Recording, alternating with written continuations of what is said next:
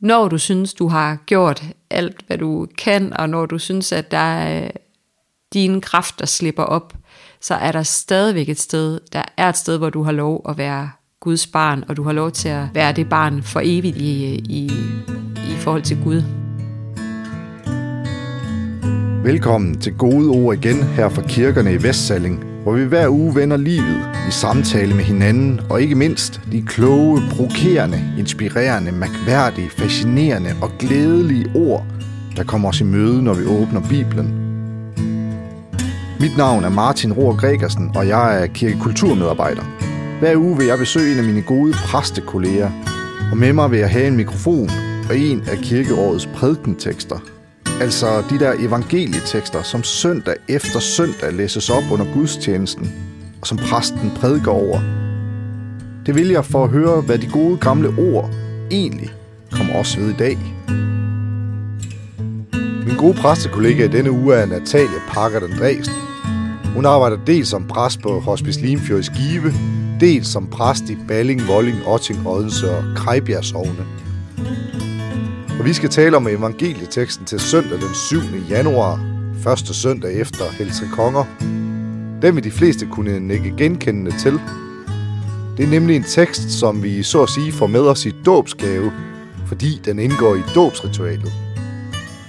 Her siger Jesus, Lad de små børn komme til mig, det må I ikke hindre dem i, for Guds rige er deres. Men hvad betyder det? Det spørger jeg Natalie om, når vi lige har rundet, hvad det er for en tid på året. Det er nemlig blevet Heltre Konger, hvor vi sætter et punktum for julen. Førhen øh, så øh, har man måske mere markeret øh, Heltre Kongers aften. Nogen gør det stadigvæk med et Heltre Kongers lys, sådan et, et med tre væger, altså sådan mm. et trearmet lys. Og når man tænder det om aftenen og lader det brænde ned, i gamle dage kunne der være et lille stykke krudt, eller sådan det lige gav et smæld, når de der ender mødtes. Og så øh, siger man, øh, så sluttede julen, og det var der, man fik spist det sidste julesmåkager og markeret, at her havde julen sin slutning. Mm. Så det er jo sådan en, på en måde lige øh, binder en sløjfe på hele julen, at, mm. at den strækker sig over tid, ikke? Fordi hvor nogen begynder at jule i november, og dermed bliver træt af julen der, første anden juledag, og piller alt ned og gør klar til nytår, så for, for, for nogle af os andre begynder julen først der, og vi holder på en eller anden måde fast i den indtil heller Tre Kongers aften og søndagene der. Mm. Og udover det kan man jo så sige, at den også ligesom får placeret de her hellige tre konger, eller tre vise mænd, som jo når vi ser et krybespil stillet op så er de jo klar ude øh, på sidelinjen, når vi ser det lille barn i krybben, og hyrderne og forældrene og mm. dyrene. Så står de der jo, men vi må jo formode, at de faktisk først er kommet lidt senere. Ja. Fordi de har ventet på tegnet, stjernen på himlen. Og så kommer de fra forskellige verdenshjørner. Og det, der egentlig er fint ved det, tænker jeg, er, at, øh, at de kommer med gaver til Jesus, og er jo egentlig ikke jøder. Det er jo ikke dem, der har ventet på ham, men det gør hele fortællingen lidt universal, og for, som, som det bliver sagt, det skal være en glæde for hele folket. Altså, det ja. gælder hele verden. Så for os lige sat en ramme om, at, at de får en plads, de her hellige tre konger. Og det her med, at det universelle, at det gælder for alle, det kan måske lede os hen på, på dagens evangelietekst, så, som, er, som er en evangelietekst, som øh, altså næst efter juleevangeliet, så er det måske den, de fleste har hørt flest gange. Ja, og det er det jo, fordi det er en af de tekster, vi læser op, når vi har dåb, hvor øh, fortællingen om, at, at kvinderne kommer med deres øh, små børn hen til Jesus, fordi de vil have, at han skal røre ved dem, velsigne dem, øh, og disciplen ligesom prøver at, at værfe dem væk, fordi kvinder og børn havde ikke så stor betydning på Jesu tid. De måtte gerne holde sig i baggrunden. Og så er det, Jesus ligesom stopper op og siger, lad de små børn komme til mig. Det må I ikke hindre dem i, for Guds rige er deres.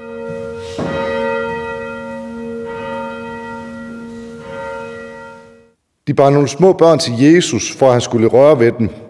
Disciplene troede af dem, men da Jesus så det, blev han vred og sagde til dem, Lad de små børn komme til mig, det må ikke hindre dem i, for Guds rige er deres. Sandelig siger jeg jer, den, der ikke modtager Guds rige ligesom et lille barn, kommer slet ikke ind i det. Og han tog dem i favn og lagde hænderne på dem og velsignede dem.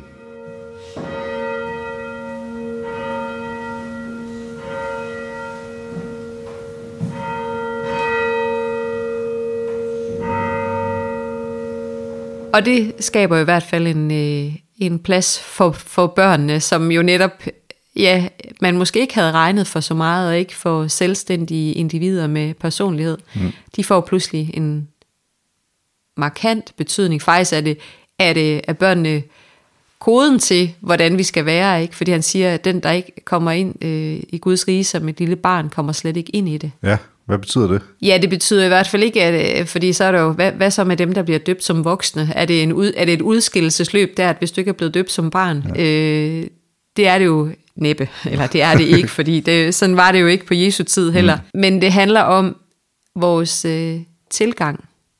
Hvordan er børnenes opførsel? Børnene, de, øh, de giver sig hen, altså de er ikke øh, bange for at bede om hjælp. De er ikke bange for at kræve deres plads, og øh, kan også indimellem være urimelige og umulige, men de gør det i sådan en tryg tillid til, at de øh, voksne er der for dem, uanset hvad. Mm. Og jeg tænker, det er meget den tilgang, at vi har lov til at være som børn. Det er i virkeligheden meget aflastende, fordi hvor har vi ellers lov til at opføre som børn? Det har vi i virkeligheden ikke ret længe, og måske endnu kortere i dag, end da vi to var børn. Ja. Så det her med, at vi har lov til at undre os, og vi har lov til at, at være spørgende og urimelige og øh, kræve vores, øh, og, og, og bare også være hjælpeløse faktisk. Hmm. Og, i, og netop i forhold til, til Gud har vi lov til det, fordi jeg tænker, at det, altså, ja. det er jo ikke, ikke sådan en fordring om, hvordan vi skal opføre os over for, for andre mennesker, at vi skal være et lille barn. Nej, fordi jeg, selvom jeg godt kan høre øh, mødre, der ved, når, når de har oplevet børn, der ligger sig på maven øh, og skriger i supermarkedet, så kan de finde på at gøre det samme for at demonstrere over for barnet. ja. Jeg tænker ikke, det er sådan, vores tilgang i verden skal være, at vi ligger og skriner på gulvet og mm. ikke vil være med til noget.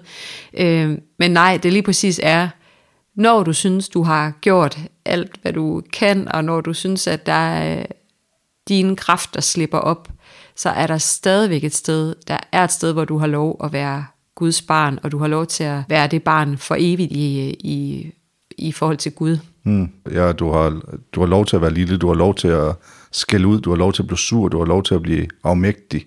Ja. Og så vil han alligevel tage imod ja. dig. Og du har lov til at være en spørgehjørn, der, ja. der spørger et, øh, utrætteligt til, mm. hvad er meningen med det her? Mm. Hvis du så skulle prædike over den her tekst her, ja. som du sikkert har gjort nogle gange, hvordan vil du så, hvordan vil du så gribe det an? Altså, hvordan vil du folde det ud, og hvordan vil, hvilke ord vil du tage ud og, og sende med kirkegængerne i dag? Jamen, det bliver jo altid en ekstra opgave, når det er tekster, vi kender super godt, mm. og som næsten ordene ligger på ryggraden. Men jeg tænker, at den lige præcis i vores tid er meget aflastende. Fordi det synes jeg nogle gange er den største fejlantagelse, vi har. Det er, at vi kan magte alting selv. Og hvis vi bare gør os umage, og hvis vi slider nok, eller hvis vi prøver en gang til, og hvis vi så lige tænker positivt undervejs, så kan alt lykkes for os. Mm. Og det ligger jo et kæmpe ansvar på vores skuldre. Og der er faktisk ikke ret mange steder, hvor man kan få lov til at give op. Mm. At sige, jeg kan ikke være med mere. Jeg, altså, I hvert fald ikke uden, at det meget let kan blive et nederlag øh, eller blive set skævt til. Men her, altså, der er den mulighed, at du øh, kan få lov til at se dig som et barn, et elsket, ønsket og villet barn, mm. og det gør noget ved os. Altså, jeg tror, at vi nogle gange kan, kan gå rundt med sådan en antagelse af, at øh, alle andre har mere styr på det end mig, alle andre har mere succes end mig, alle andre er, er bedre end mig, dygtigere end mig. Øh, og, og det, det bliver så ulideligt, øh, at vi nogle gange øh, går rundt og lader som om. Ja. Her er et sted, hvor vi ikke behøver at lade som om. Så, så hvis man ikke tager imod Guds rige ligesom et lille barn, hvad, altså, hvad gør man så? Altså, hvad er en modsætning til det at tage imod? Er det at, at forstille sig og prøve at, prøve at klare det selv? Ja, så bliver det sådan et uh, slid, hvor du kæmper mm. hårdere og hårdere og hårdere, og øh, altså sådan et stykke Sisyfos arbejde ja. på en eller anden måde. Du kommer aldrig i mål, og du, du, du du gør det aldrig godt nok, eller du kan hele tiden forbedre og optimere. Altså det er i hvert fald faren, mm. øh, at, at det hele ligger på mine egne skuldre.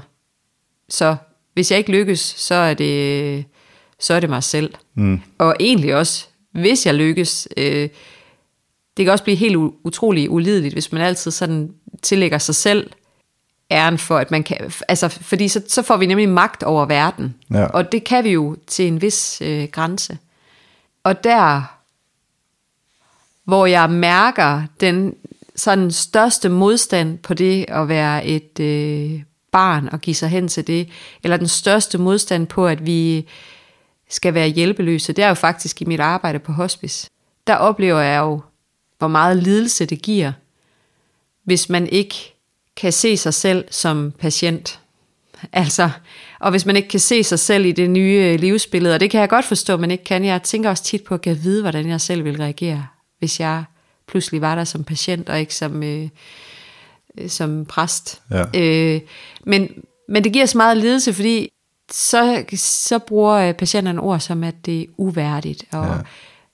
jeg er jo slet ikke mig selv mere, jeg kan jo ingenting. Øh, og der vil jeg da ønske, at de i særlig grad kunne tage den her tekst til sig og sige, jeg har faktisk også lov til at give slip. Ja, men, hvordan, men hvad, hvad siger du til dem, når du sidder der foran dem? Hvad, er, der, er der nogle ord, man kan sige til mennesker, der ligger der midt i lidelsen, der gør, at de ligesom kan, kan give slip, at de kan give sig lov til at blive det lille afmægtige barn? Jamen, jeg kan netop godt finde på at udfordre dem på, mm. hvad, de, e, hvad, det egentlig, hvad det egentlig er, de siger med de ord, de bruger. Ikke? Altså, jo. at de kommer til at sige mellem linjerne, at man selv er fuldstændig herre over sit eget liv. Ja. Og at hvis man knokler nok, og hvis man forsøger nok, og hvis man tager de rigtige valg, så kan man leve for evigt.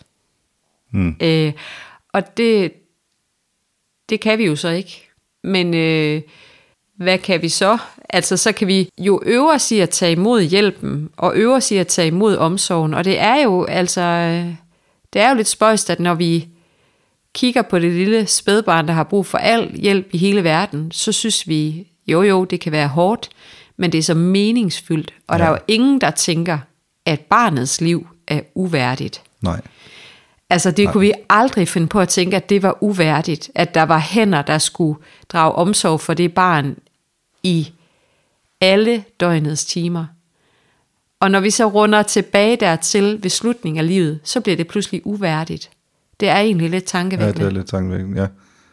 Jeg kommer til at tænke sådan et smukt billede, jeg kan ikke huske, hvor jeg har det fra, men det, det er sådan sat sig fast. Det der med, at vi som mennesker bliver båret ind i livet, og vi bliver båret ud af det igen. Ja. Men at det glemmer vi, ligesom imellem de der to, mellem fødslen, barnedåbet og døden, der glemmer vi, at livet faktisk begynder og slutter med, at vi bliver båret ind og ud.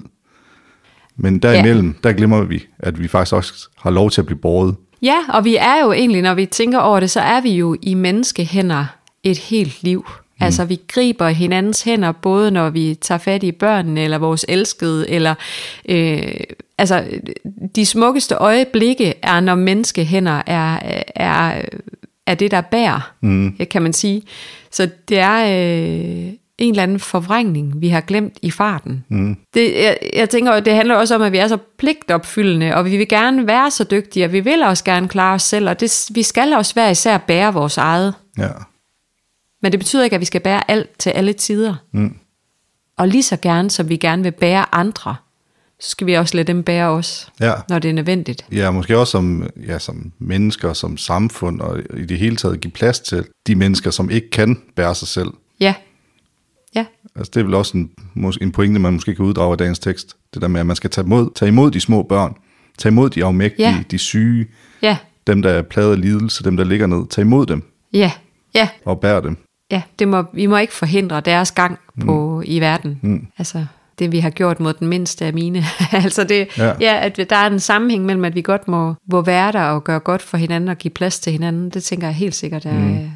er en væsentlig pointe.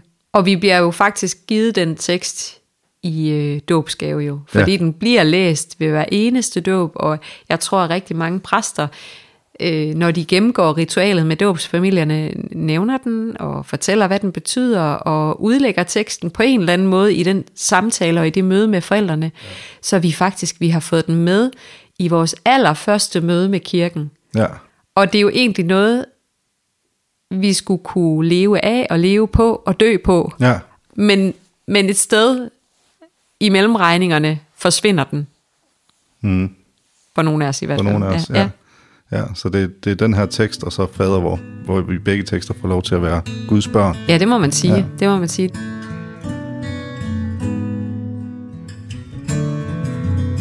Det var gode ord igen. Tak fordi du lyttede med. Denne episode er redigeret af mig, Martin Rohr Gregersen. Og vil du have flere gode ord, så husk, at du selvfølgelig altid er velkommen i en af vores mange kirker, sovnhuse eller konfirmandstuer. Du kan finde gudstjenester og andre aktiviteter på vores hjemmesider eller Facebook-kanaler, som du også finder links til i podcastbeskrivelsen. Og så håber jeg selvfølgelig, at du lytter med igen i næste uge. Vi lyttes ved.